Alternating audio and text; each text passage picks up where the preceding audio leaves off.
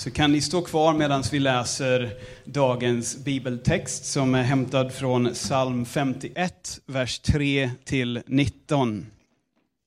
Gud, du som är kärleksfull och god, var barmhärtig mot mig, visa medlidande med mig och rena mig från min synd, befria mig från all min skuld. Jag erkänner mitt felsteg och tanken på det förföljer mig dag och natt. Det är mot dig och endast dig jag har syndat och begått denna fruktansvärda handling. Du såg allt sammans och du dömer mig rättfärdigt. Jag är född syndare, ja, jag är en syndare allt ifrån det ögonblick jag blev till i min moders kropp. Du kräver uppriktighet och ärlighet i hjärtat. Ge mig vishet. Stänk det renande blodet på mig så att jag blir ren igen. Tvätta bort min synd så att jag blir vitare än snö. Du har straffat mig, men låt mig nu få känna glädje igen. Se inte längre på mina synder och befria mig från all ondska. Skapa i mig ett nytt, rent hjärta, Gud, fyllt med rena tankar och stor frimodighet. Visa inte bort mig för alltid från din närvaro, ta inte din heliga ande från mig. Låt mig ännu en gång få känna frälsningens glädje och gör mig villig att lyda dig. Då ska jag undervisa andra syndare om dina vägar och de ska vända om till dig. Döm mig inte till döden, min Gud, endast du kan befria mig från min skuld. Då ska jag sjunga om din förlåtelse. Jag ska öppna min mun och prisa dig. Om du vill ha offer skulle jag med glädje ge dig sådana. Men du är inte intresserad av brännoffer som man offrar för att bli kvitt sin skuld.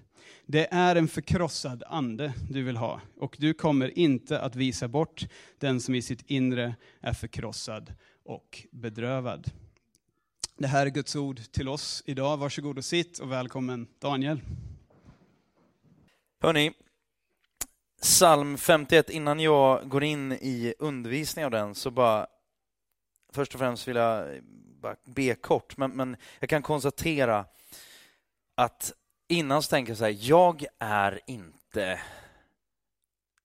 Alltså jag har inte, jag kan, jag, jag, jag, har svårt att stå och predika om det här på ett sätt. Men sen när jag läser den här salmen så bara inser jag att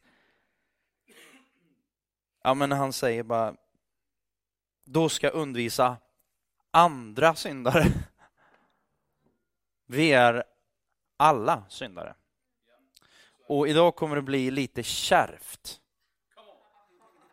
Idag kommer det bli lite så här, lite, ja men lite härligt kärvt, helt enkelt. Um, precis, jag brukar säga att det, det är liksom lite norrländskt då, ja precis. Um, men jag vill bara öppna med att be kort. Himmelske far, Tack för att du har gett oss av ditt ord. Och det har gett oss livets ord. Det är så mycket mer än bara trycksvärta på papper eller kristaller som flyter omkring på en skärm. Tack för att det är liv och det är ande i det här budskapet. Jag ber att du skulle ge mig nåden att få förkunna och ge oss alla nåden ännu mer att få lyssna, ta till oss Låt din ande göra all skillnad. I Jesu Kristi namn. Amen. Amen. Jag har läst den för ett, ungefär ett år sedan, men jag vill läsa en liten en väldigt rolig story, men som är spot on, mitt i prick. Och jag tror att vi alla kan känna igen oss. Det är från en kille som heter John Ortberg, en pastor i USA, som skriver om fläcken i soffan. För en hel del år sedan bytte vi ut min gamla Volkswagen modell Bubbla mot vår första nya möbel. En malva-färgad soffa. Nyansen låg egentligen närmast klappgröt. Men eftersom soffan för oss innebar en avsevärd investering tyckte vi att malva lät finare. Mannen i möbelaffären avråder oss starkt från att köpa den när han fick klart för sig att vi hade, vi hade eh, små barn. Ni ska nog inte ha en malvafärgad soffa, varnade han oss. Ta en något smutsbrun nyans istället. Men den naiva optimismen hos unga föräldrar sa vi nej då. Vi vill ha den malvafärgade soffan. Och från den stunden var vi alla helt klara över regel nummer ett i vårt hem. Sitt inte i den malvafärgade soffan. Rör inte den malvafärgade soffan. Lek inte i den malvafärgade soffan. Ät inte i, andas inte på, titta inte på eller tänk inte på den malvafärgade soffan. Minns ni det förbjudna trädet i Edens lustgård? På varje annan stol i huset må ni sitta fritt, men på denna soffa, denna malvafärgade soffa, må ni inte sitta. För den dag ni sitter därpå skall ni döden dö. Sen kom fallet. En dag fanns det en fläck på den malvafärgade soffan. En röd fläck. En röd marmeladfläck. Min fru, som hade valt ut den malvafärgade soffan och älskade den, radade upp våra tre barn framför den. Laura, fyra år, Mallory, två och ett halvt och Jonny, sex månader. Ser ni vad det här är, barn? Frågade hon. Det är en fläck. En röd fläck. En röd marmeladfläck. Och farbrorn i möbelaffären sa att den inte går bort. Den kommer att vara där för evigt. Vet ni hur länge evigt är, barn? Det är så länge vi kommer att stå här, ända tills någon av er talar om vem som har spilt marmelad på soffan. Mallory var den första som öppnade munnen. Med darrande läppar, tårfyllda ögon sa hon, det var Laura. Laura nekade passionerat. Sen var det tyst en lång stund. Ingen sa ett ord. Jag visste att barnen inte skulle säga något, för de hade aldrig sett sin mamma så arg innan. Jag visste att de inte skulle det, eftersom de visste att om de gjorde det, då skulle de få tillbringa evigheten i skamvrån. Jag visste att de inte skulle säga någonting, därför det var jag som hade spilt marmeladen i den malvafärgade soffan och jag vågade inte säga någonting. Jag tänkte att jag skulle hitta ett lämpligt tillfälle och sammanhang att bekänna min synd. Som till exempel i en bok jag skulle skriva en dag. Hörni, synd och bekännelse, det är ju kanske inte så här politiskt korrekt. Det är inte det som man twittrar mest om idag i sociala medier. Ehm, och jag håller med dig, Brad. Jag älskar att vi ändå tar tjuren vid hornen. För vet du vad? Det är så dumt att kasta ut bebisen med badvattnet. Det är så dumt att inte lyssna på det där som kanske ibland gör lite ont. Det är så dumt att inte gå till tandläkaren fast man vet att skit också, han kommer att börja gröpa med den där, jag vet inte ens vad den heter, den bara gör ont. Man bara vet, du är en hemsk människa men jag behöver dig, jobbigt. Idag kommer jag vara den där hemska människan. Lite grann så. Psalm 51. Ett omtalat bibelstycke för de som är intresserade av att läsa Bibeln och kanske har lyssnat lite grann. Ehm, Saltaren, psalm, salmerna, det är ju liksom Många av de här skrevs direkt med musik till och, och eh, väldigt poetiskt. Men det finns också otroligt mycket skärpa i dem. Otroligt mycket eh, mat och mycket kött. Och här är ju en, en, en, en av de mest eh, tydliga salmerna som, som du möter. Liksom saltaren som helhet, du, du möter alla känslor du kan hitta. Här är ånger, du hittar glädje, du hittar allt möjligt. Och just i den här salmen så är det ånger, det är smärta, men också hopp. Det finns en framtid. Och Det handlar helt enkelt i korthet om att David, han har varit ute och snurrat och han, han har fått tag, eller han såg en, en vacker kvinna, står det. Eh, hon badade på taket och så tog han över henne och så hade han sex med henne. Han var kung i det riket, så han kunde egentligen göra vad han ville. Eh, och naturligtvis, han gick, äk, begick eh, äktenskapsbrott. Hon var gift med en annan man och hon blev med barn. Och när de sen fick reda på att hon var med barn, då var det då, då liksom bara oj, nu, har jag blivit, nu blir jag påkommen här, nu måste jag hitta på någonting riktigt snabbt. Och så såg han till att hennes man blev mördad, eller dödad i, i, i strid. Um, och han tänkte liksom så här, nu har jag täckt alla spår. Nu är jag safe. Men helt plötsligt kommer Natan, som var en han gick under titeln profet. Han, han, han hörde saker från Gud helt enkelt, som han själv inte hade kunskap om. Men för Davids bästa så kommer Natan till David och så berättar han en liten story. Så säger han så här, det var en man som hade en massa får. Han var rik. Och så en dag skulle han slakta ett får. Men istället för att ta sitt eget får så tar han grannens får. Och den grannen har ett enda får. Han tar det fåret för han har makten och han har, kun, han har liksom möjligheten. Och, så han tar grannens får. Dödar det och äter upp det istället. Vad tycker du att vi ska göra med den mannen? Och kung David säger, han ska döden dö, säger han om den här mannen. Och så säger Nathan bara, Kaching, kanske den mest, liksom, vi snackar applikation av sin predikan här, så blir det liksom bara så här, du är den mannen. Snacka om att dra ner brallorna på någon. Då står man där. Det var inte så coolt längre. Helt plötsligt kommer Nathan och han inser David att jag är, jag är påkommen mitt liv, alltså hans liv, sprängs eller snarare imploderar fullständigt. Hans egen bild av sig själv. Alltså man kan se och man kan läsa och, och, och det finns en härlig naivitet och en härlig... Eh, det, det finns det även i, i, i psalm 51. Han har en sån frimodighet inför Gud. Genom psalmerna och sådär. Men det här är, han har kommit en bit på vägen och här kommer livet ifatt honom. Och han inser, I'm not the shit. Jag är inte awesomeness incarnated liksom. Kanske någon av oss har kommit dit. Hans liv imploderar fullständigt. Och grejen är den att, att det han gör och det vi ska titta på, det är att han börjar en process och han går igenom en process som visar så mycket. Och Bibeln kallar den här processen för omvändelse som leder till syndernas förlåtelse. Och den, den här, det här med syndernas förlåtelse, Jesus tar ju upp den i den bön som han lär ut till oss, sina lärjungar.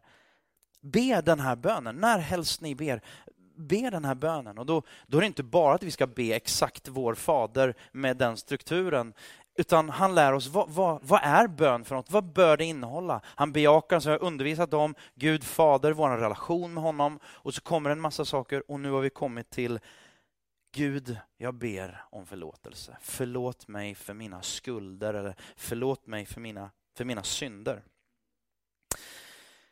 Och grejen är den att, att hela Bibeln vibrerar och Nya Testamentet vibrerar av det här. Det här är liksom ingenting, det är egentligen ingen fiende. Och det är det jag ska komma fram till. Det är, ingen, det är inget hot mot dig och mig, utan det är en möjlighet. Och det är ingenting som vi gör bara en gång, utan det är en livsstil, dag ut och dag in, om vi ska kunna bli förvandlade inifrån och ut. För jag tror att David, när han inser oj, jag är påkommen och oj, min kanske egna bild av mig själv brast och jag står där med, som inför en sprucken spegel. Och den här bilden är inte så awesome. Den är inte så vacker längre. Den är inte liksom untarnished, eller vad säger man? Den, den har massa fläckar på sig. Och han längtar efter att Gud gör mig ren igen. Han inser att han är smutsig. Så det handlar om förlåtelse, men det handlar om väldigt, väldigt mycket mer. Det handlar om att bli fri. Det är det som är grejen. Vad innebär sann förlåtelse? Att bli fri, sant fri. En del tror ju, och vårt samhälle idag bara pumpar ut, frihet är att alltid bara kunna göra som jag känner för. Jag tror inte att det är sann frihet. Sann frihet är något annat som jag vill, vill prata om här idag. Upplägget är ett, vi ska sluta göra en sak. Och nu menar jag inte när jag säger det här, för det, det låter som att jag ska ge dig en lista. Liksom så här, en, bara, gör det här, gör det här eller gör inte det här. Det är inte riktigt så, utan vi ska titta på några ingredienser så att en ingrediens vi plockar bort och två ingredienser vi behöver plocka in och sen ska vi summera det här och titta på vad ger verkligen sann omvändelse. Är ni med? Psalm 51 och 7. Jag är född syndare. Så vad ska vi ta bort? Vilken ingrediens ska vi ta bort? Vad ska vi sluta göra? Jag är född syndare, jag är en syndare allt ifrån det ögonblick jag blev till i min moders kropp, säger David. Och då har man ju tolkat det här många gånger. Jag har hört andra predikanter och, och man har pratat om det här. Ja, men hans mamma, det, han var säkert utomäktenskaplig och en massa sådär eh, broderingar runt omkring det här. Men man kan bara konstatera kort, en, en, en eh, teolog, Derek Kidner, han säger så här, detta brott som David begick då, ett mord, ehm, och han begick ju flera brott, men just mordet till exempel då. David inser nu att det inte endast var ett osamman, en osammanhängande galenskap, utan det var hans sanna jag. Ett extremt uttryck av den vanskapta varelse han alltid varit. Och nu tänker du bara så här, men det är ju typiskt kyrkan. Det är liksom så här bara, bara jobbigt och mörkt och, och, och, och försöker då skuldbelägga människor. Och då har man bara börjat. Visst är det uppmuntrande här. Sen så kommer man ju fram till någonting annat, naturligtvis då. Men, men man kan tycka att ah, det är lite väl hårt. Ja, eller så är man bara realistisk och lite ärlig och äkta. Jag tänker så här att när min pappa gick till läkaren 1997 och visste någonstans här inne, han bara visste att jag har cancer. Han hade liksom legat, legat eh, på, på, operationsbordet och han hade legat under gammal, vad säger man, eh, röntgen under hur många år som helst, liksom sedan typ 50-talet. Um, ehm, och, och, väldigt, väldigt mycket. Och precis i det området där han har röntgat väldigt mycket lungorna, äh, njurarna, så börjar han börjar få väldigt, väldigt ont. Och faktum är att det börjar stå ut saker så lite konstigt kan man ju tänka att man reagerar fortare, men det gör inte alla människor.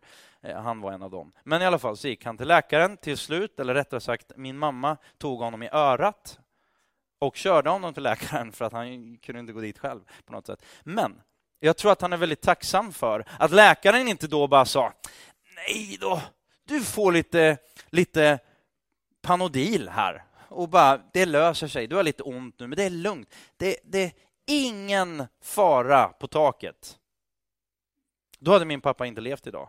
Det var med nöd och näppe som de satte in, och det var, det var på gränsen de satte in eh, rätt medicinering. Och det är väl dit man vill komma någonstans. Det hjälper ju inte om någon säger vad är snäll mot mig, om jag behöver höra någonting annat. Och ibland är vi så sjukt patetiska, förlåt, men jag är så sjukt patetisk. För jag springer bra omkring och jag söker allt som bara kittlar mig och kliar mig i öronen. Och när jag, jag lyssnar inte på Linda som säger bara du behöver äta mindre kött och kanske lite mer grönsaker, vad det nu skulle vara bra till. Men så säger min frus, frustru, eller hustru menar jag. Ja, förlåt.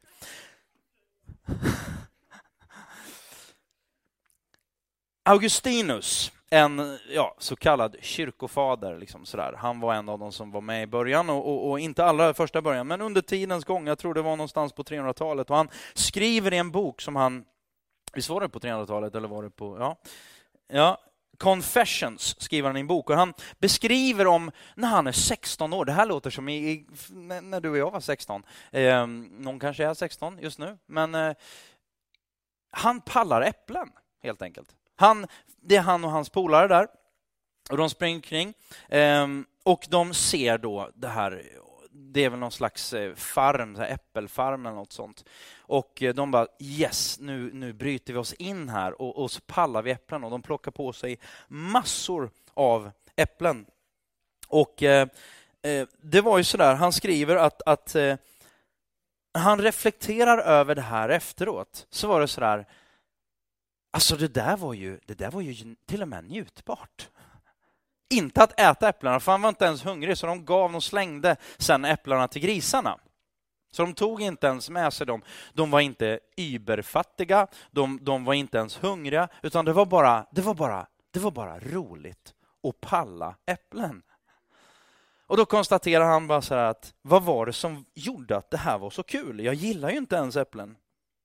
Och han säger, jag njöt av tjuveriet. Jag njöt av synden. Jag njöt av, eftersom det var äpplen då, jag njöt av det förbjudna äpplet.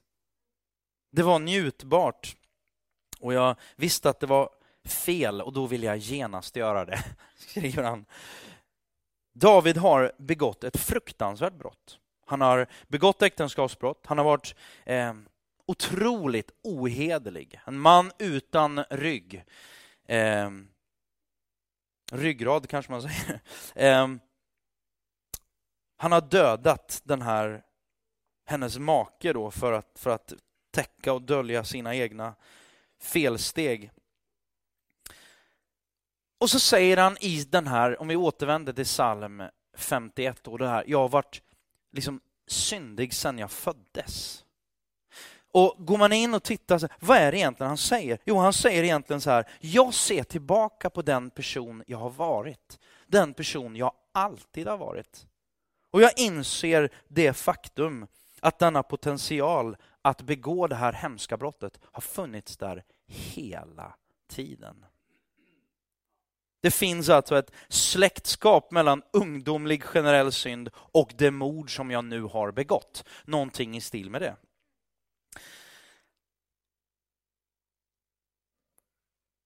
Psalm 51, ehm, en hel del andra stycken i Bibeln visar och, och man inser kanske, förhoppningsvis, hur märkligt det än kan vara, vad har en mördare gemensamt med den person som mobbar den lilla överviktiga pojken med finnar? Vad har de gemensamt? Jo, det är samma rot. Nej, det där håller jag inte med om. Så kan det ju absolut inte vara. Det är ju inte samma sak. Jag är ingen dålig människa. Ja, men visst, jag ljuger ju, men det gör ju alla andra också. Jag fuskar lite här och där med skatten och på andra sätt, men det gör ju alla andra också. Och visst kan jag vara grym ibland. Visst behandlar jag inte mina medmänniskor så föredömligt, men det gör ju alla andra också. Och jag ser ner på andra människor, jag förtalar ibland, men det är ju inte samma sak som mord. Ja, då vill jag säga så här, nej, det är ju inte samma sak, men det är samma rot. Det är klart att det är gradskillnad på vissa handlingar. Speciellt inför människor är det gradskillnad. Men vi kommer också fram till, och, och, det är flera personer, Augustinus säger det, kung David säger det, en annan teolog som vi har stulit mycket och blivit inspirerade av i, till den här undervisningen, en pastor i, i New York idag, som, som heter Tim Keller. Alla de här, och, och jag vågar säga att Bibeln stryker under det. Givna särskilda omständigheter för dig och mig, för vem som helst, så har vi alla potentialen och kapaciteten för exakt sån ondska. Det är ett frö. Frö som finns på, på vår insida, vi ska läsa ett bibelord alldeles strax, men som har sin rot. Jag skrev upp sådär när jag satt och, vad är det för någonting? Ja, men det är en rot i självhävdelse, självrättfärdighet och egocentrism. Just det här, jag, mig och mitt. Det är vi ju experter på i Sverige, till mångt och mycket faktiskt. Det här med självhävdelse och självrättfärdighet. Stå på barrikaderna och bara, jag är inte dålig. Jag är vad det nu är för någonting. Och naturligtvis handlar det ju inte om att, att i största allmänhet, precis som man säger då, nej men man brukar kalla kyrkan för, ja men man vill bara trycka ner människor för att kunna Eh, bestämma över dem och kunna manipulera dem och så vidare. Det ser jag inte. Det David gör, det är ju inte att sätta det här och, och bestämma och tala ut de här orden över någon annan, utan han talar ut dem över sig själv. Det är rätt stor skillnad. Paulus som har skrivit två tredjedelar av, av, av breven i Nya Testamentet, aposteln Paulus, han säger själv, jag är den största syndare av alla. Han pekar liksom inte så här bara, utan han inser bara, vi är alla syndare. Jag är född i synd, säger han. Kung David. Jag har egentligen alltid varit så här farlig. Jag har bara inte insett det förrän Natan kom, förrän min värld imploderade. Då kanske du tänker så här, men jag tror inte på Bibeln. Då kanske du tror på BBC. BBC är ju ändå liksom, det är ju grymt tungt. Och de har ju, jag vet inte om ni har sett den, men det går en serie. Eh, den har börjat säsong två nu såg jag. Och den heter Broad Church. Är det någon som har sett den? Det handlar om, ja det är några stycken här, det handlar speciellt om två stycken detektiver, då. Ellis och, eh, nu kommer jag inte ihåg vad den andra heter bara för det. Eh, jo, Hardy, Alec Hardy naturligtvis. Eh, och Det börjar ju med, jag ska inte göra några stora, liksom så, så, att du inte du blir arg på mig och några spoilers sådär, men det börjar med ett mord, bara konstigt. En detektivserie, liksom kriminal så. Eh, och då är det så här att Ellis, hon kommer från den här staden, eh, Broadchurch, den här lilla, lilla orten. Och eh, hon är bara så övertygad om att det är ju ingen från den här stan, det är ingen från Broadchurch, för jag känner ju alla och det är ingen som skulle kunna begå ett sånt här brott. Sånt här fruktansvärt brott där den här unga pojken då har blivit mördad. Däremot Alec Hardy, han är en hårdhudad snut från storstan som kommer dit och ska de jobba tillsammans. Eh, och så ser man så här, det, det, det, vid ett tillfälle så har de ett riktigt gräl och Ellie säger någonting i stil med, det finns ju inte en enda chans att det är någon i den här stan som skulle kunna göra något sånt. Jag vet, jag känner alla och jag vet att det inte kan vara så. Varpå Hardy säger i linje med psalm 51, som stulet rakt ur, vem som helst är kapabel att mörda, bara de rätta omständigheterna infinner sig. Um, och Ellie då fortsätter, no way, människor har faktiskt moraliska kompasser. Och Hardy svarar bara kort och tydligt, kompasser går sönder. Om du fortsätter att se den här serien så är det ju så att man, man fattar ju liksom manusförfattaren han, han vill ju dels för att det ska vara spännande, men jag kan också tänka mig att han, han, liksom han, han snurrar kring det här temat att vem som helst kan vara the bad guy. Du, du, har, du har ingen aning. Någon gång. Det är liksom det som hela, mycket av serien, så ska jag inte säga mer om, om, om den serien. Så, men, men, men jag tror i alla fall att, att jag slog upp Chris Chibnall, eller hur man uttalar det. Han håller med David. För han har skrivit då den här serien. Ehm, vem som helst skulle kunna vara mördare. Vem som helst skulle kunna vara den här hemska, twistade personligheten. Bara rätt omständigheter infinner sig. Romarbrevet 5 och 12 och respektive 18, eller vers 18, säger så här. Det är Paulus då igen som säger, genom en enda människa kom synden in i världen och genom synden eh, döden, och så kom döden över alla människor eftersom alla hade syndat. Alltså, liksom en endas fall ledde till fördömelse för alla människor, så har en endas rättfärdighet för alla människor lett till, ett fri, till en frikännande dom som leder till liv. Vad är det jag försöker att säga? Någonting som vi har sagt några gånger om du har följt oss här på podcast eller, eller här på gudstjänsten. Du och jag syndar inte mot Gud eller andra människor. För att, eller det är inte det som gör oss till syndare, utan vi är syndare, därför syndar vi. Med andra ord så är det bara frukter, de här synderna som vi ser, det är bara frukter av synden med stort S. Jag tar ett bibelord till, Romarbrevet 3 vers 10-12. Ingen rättfärdig finns, inte en enda. Ingen förståndig finns, ingen finns som söker Gud. Jag sa att det skulle bli lite strävt idag. Alla har avvikit, alla har blivit fördärvade. Ingen finns som gör det goda, inte en enda. Och då säger du, vän av ordning, bara, jo, men det finns faktiskt någon som gör något gott. Jag ska komma till det också. Vad, vad, vad liksom är det här? Varför pushar jag den här, den här första punkten som blir den längsta punkten? Ehm, för jag tänker så här, att du och jag, precis som jag gör instinktivt när jag sitter och förbereder mig det här, då tänker jag så här, det är någon annan som behöver höra det här och hela tiden så bara pockar det på mig och jag bara vet, du behöver höra det här Daniel. Du behöver ta till dig det här. Du är riktigt sur där under ytan. Det luktar inte särskilt gott när man lyfter på det där locket. Det jag vill säga är, lev inte i förnekelse. Det är början på omvändelse. Det är början på frihet. Att inte, det är början på, en, på, på att bli frisk. Det säger ju AA, eh, våra vänner som, som har brottats och kanske brottas för resten av livet med, eh, ja, vad säger man, alltså missbruk eller ja, abstinens. Ja, men det är bara, du måste vara ärlig. Du måste bekänna, du måste sluta leva i förnekelse. Eh, nu ska vi prata om vad du ska börja ta in för ingredienser. Börja göra. Den första blir lite, lite, lite kortare, men det är två saker som är lite lika viktiga skulle jag säga.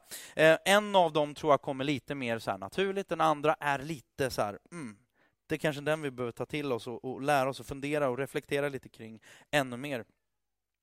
Det finns en typ av omvändelse där du mest är, du är arg, arg på dig själv.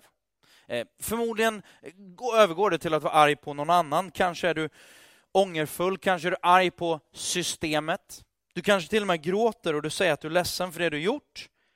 Men när känslorna går över och du är tillbaka i vardagen, då är du tillbaka och situationen är värre än någonsin och ingenting har förändrats. Känner vi igen oss?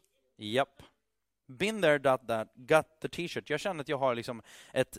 Jag är professor i synd, liksom. PhD. Um, ehm,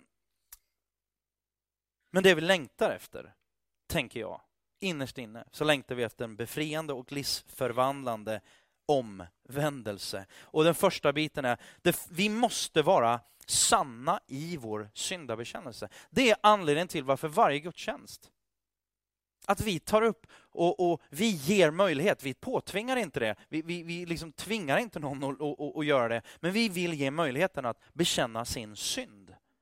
Jag älskar en av de stroferna där jag är skyldig till mer ont än jag förstår. Det är väldigt sant.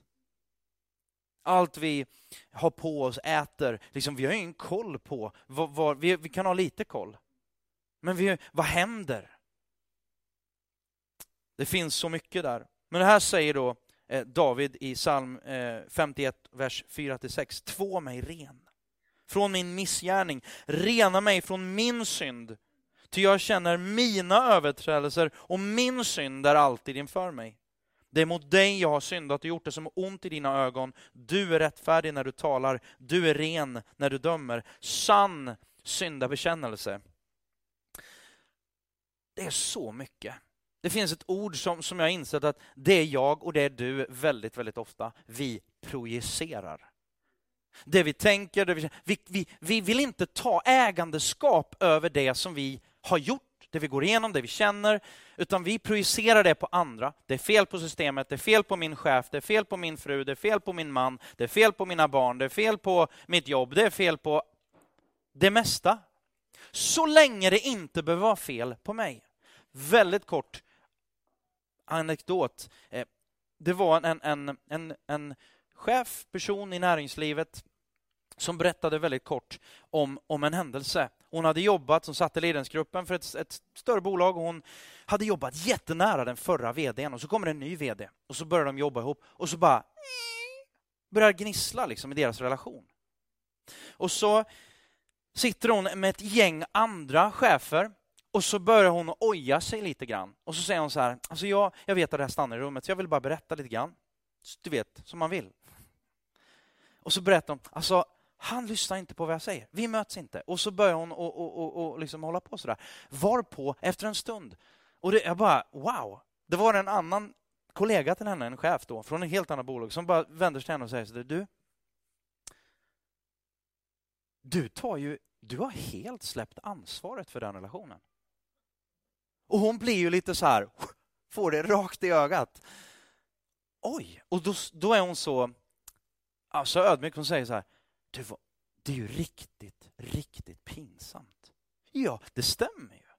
Jag har bara abdikerat. Det är hans fel.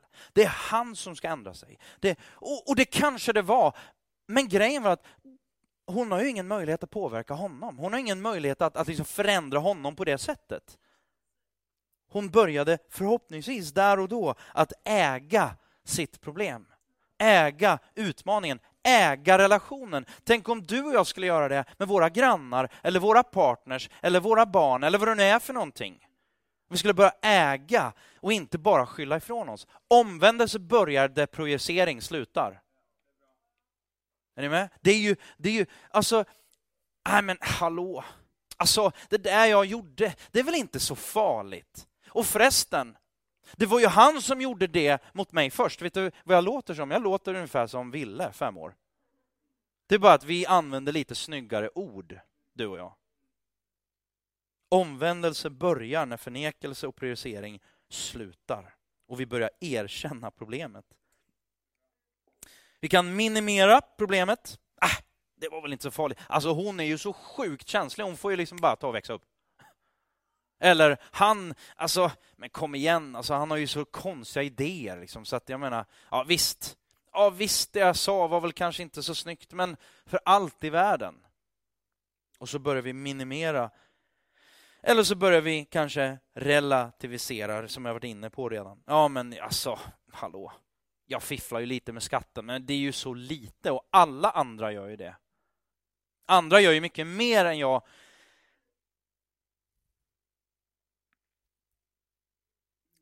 det är inte omvändelse. Om du tänker dig, dig själv, du sitter där, du är ångerfull. Du gråter kanske. Du känner dig eländig, olycklig. Men mitt i det här så skyller du ifrån dig på andra personer, du skyller på omständigheter, du skyller dig på allt. Ja.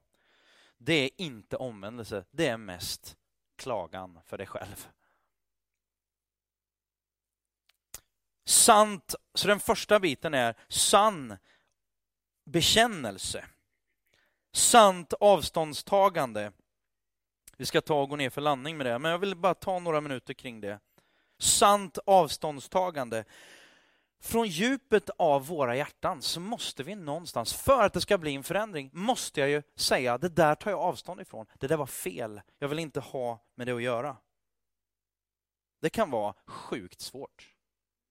För när vi börjar borra lite grann, när vi skrapar lite på ytan så inser vi att jag ville ju det där. Mina älsklingssynder, mina älsklingsgrejer, de är jag inte beredd att ge upp. Om du inte är beredd att ge upp, då är du inte beredd att vända om. Jag ville ju njuta på det där sättet. Jag ville ju ha den där bekräftelsen från henne eller från honom som inte var min, min man min partner. Jag ville ha det, så jag sökte den. Och så jag visste att det var fel. Och jag skulle aldrig gå med på att min hustru eller min man gjorde på det sättet. Eller min kompis som talade illa bakom mig, bakom min rygg. Det skulle jag aldrig vilja eh, att, att de gjorde, och så gör jag det själv. Kanske inte något man bara, yes, jag vill det här, men det finns någonting för att du vill klättra och då är det lätt att trycka ner någon annan. David säger, det är mot dig jag har syndat. I den hebreiska texten, ibland behöver man djupdyka lite grann, ehm, och den hebreiska texten, jag vill läsa på engelska för de har översatt den mer ordagrant, New International Version som är en av de största, den säger så här, against you, you only have I sinned. Och därför skrev jag då, egentligen står det i, i, i hebreiskan, står det, det är mot dig och endast dig. Han återupprepar det som jag har syndat och gjort det som är ont i dina ögon. Eh, bara väldigt, väldigt kort. På hebreiskan och här då i, i psalm 51 som är ursprungsspråket så står det här för, när man upprepar någonting på det sättet, så står det för passion, längtan och kärlek. Jättekort så har vi David, han ojar sig, eller han, han, han är helt förkrossad över att hans son Absalom eh, har dött då. Senare efter det här den här händelsen.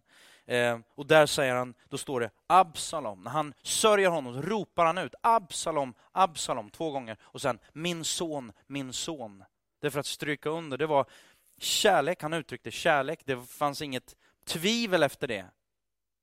Att David verkligen älskade Absalom. Vi ser Jesus på korset, han säger min Gud, min Gud. Varför har du övergivit mig, säger han. Men han säger det två gånger för att bara, det råder inget tvivel om att han fortfarande älskar Gud. Han älskar sin far. Och David säger, min Gud, varför? Eh, liksom, eller jag, jag har syndat mot dig, endast mot dig. Och det kan man ju tänka, det kan man ju tycka då att nej men han har ju syndat mot många fler. Han har ju syndat mot Batseba.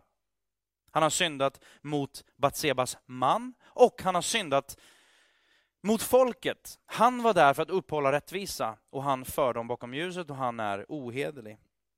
Hur kan han då säga att han är, att han är eh, skyldig då eller har syndat endast mot Gud? Um, det går att prata mycket mer om det här, men man kan säga att det är en, en välgrundad överdrift. Men egentligen så är det inte en överdrift, utan grejen är den att under alla lager, om vi tar och skalar den här löken, så under alla lager, den innersta kärnan, det handlar om att jag har syndat mot Gud först. Martin Luther säger så här, den gamle eh, munken och, och teologen på 1500-talet, så säger han så här, att någonting i stil med att vi har Guds tio bud som börjar med att du ska älska Herren din Gud av allt, ja, men liksom, och du ska inte ha några avgudar, du ska inte ha några gudar vid sidan eller i, framför mig. Det är liksom första budet, bara Gud. Och sen följer de andra nio. Och då säger Martin Luther så här att egentligen skulle det räcka med det första, för att du måste passera det första innan du kommer att begå någon av de andra brotten, så att säga mörda, ljuga, stjäla, vad det nu är. Du måste ta bort eller du måste gå emot, du måste synda mot det första budet. Därför kan David säga emot dig, endast mot dig har jag syndat. Och där blir det också väldigt, väldigt tydligt. Jag äger problemet. Jag äger problemet, jag bekänner det. Och ultimat sett så inser jag att jag har syndat mot Gud. Jag vill avsluta med en story. Ett par som kom och gick till en pastor om äktenskaps, eller föräktenskapsrådgivning. Och det var frun i det här fallet som hade förmodligen tagit honom i örat och gått dit. Och de hade liksom counseling där och samtal. Och så kommer det fram mer och mer att, att eh, de har det väldigt, väldigt knackigt. Och inte alls skuld, men väldigt, väldigt mycket är tydligt att det vilar på mannen som är, han är otroligt burdus. Han man skulle väl idag säga att han misshandlar henne psykiskt, inte, inte fysiskt, men verbalt. Och han var väldigt ful i munnen. Han var manipulativ och det var, det var ett elände. Och hon bara liksom höll på att klappa ihop och hon orkade inte längre. Och det fortsätter och han, han, han är liksom i det här modet mot den här pastorn och den här själavårdaren att ah, ja, men det är klart, det är ju dumt, men, men det gör väl, jag är väl inte värre än de flesta andra killar liksom. Och det slut går så långt så att hon en dag så, så finns hon inte där när han kommer hem från jobbet. Hon har lämnat honom. Och han ringer upp den här pastorn direkt och bara säger, vad har jag gjort för någonting? Jag har inte, jag har inte jag har tänkt på mig själv alldeles för mycket och jag, jag, jag, jag, jag ångrar mig verkligen. Och kan du inte ringa till henne och säga att jag har ändrat mig? Jag har verkligen ändrat mig. Och den här pastorn ringer till henne, och han säger inte att han har ändrat sig, utan han säger han vill träffas. Han vill prata med dig. Han vill be om förlåtelse. Så hon säger okej. Okay. Så de träffas och han ber om förlåtelse och de flyttar ihop igen. Och det går en månad ungefär. Varpå han faller tillbaka i gamla gänger och börjar misshandla henne verbalt och så vidare. Och då lämnar hon honom för gott. Och då säger den här förkunnaren, pastorn och själavårdaren till slut att du har ju bara älskat dig själv. Hade du älskat henne hade du brytt om hur hon mår, hennes smärta. Inte bara för nu har du varit mest rädd för att hon ska lämna dig. Mest rädd för att du ska bli ensam. Mest rädd för skammen. Med andra ord så är vi oftast mest rädda för och vi tänker och vi gråter för konsekvenserna av vår egen synd istället för relationen som går sönder med Gud. Och det är den som David lyfter fram. Det är den han säger, mot dig har jag syndat. Inte mot alla andra. Eller vad är kärnan? Vad är det viktigaste? Ja, det är relationen som har gått i kras. Relationen med Gud. Och där kommer vi till inget annat än bara självömkan. Självömkan handlar väldigt mycket om jag, om mig och om självet. Det jag sätter mig själv först istället för att sätta Gud först. Det är avguderi.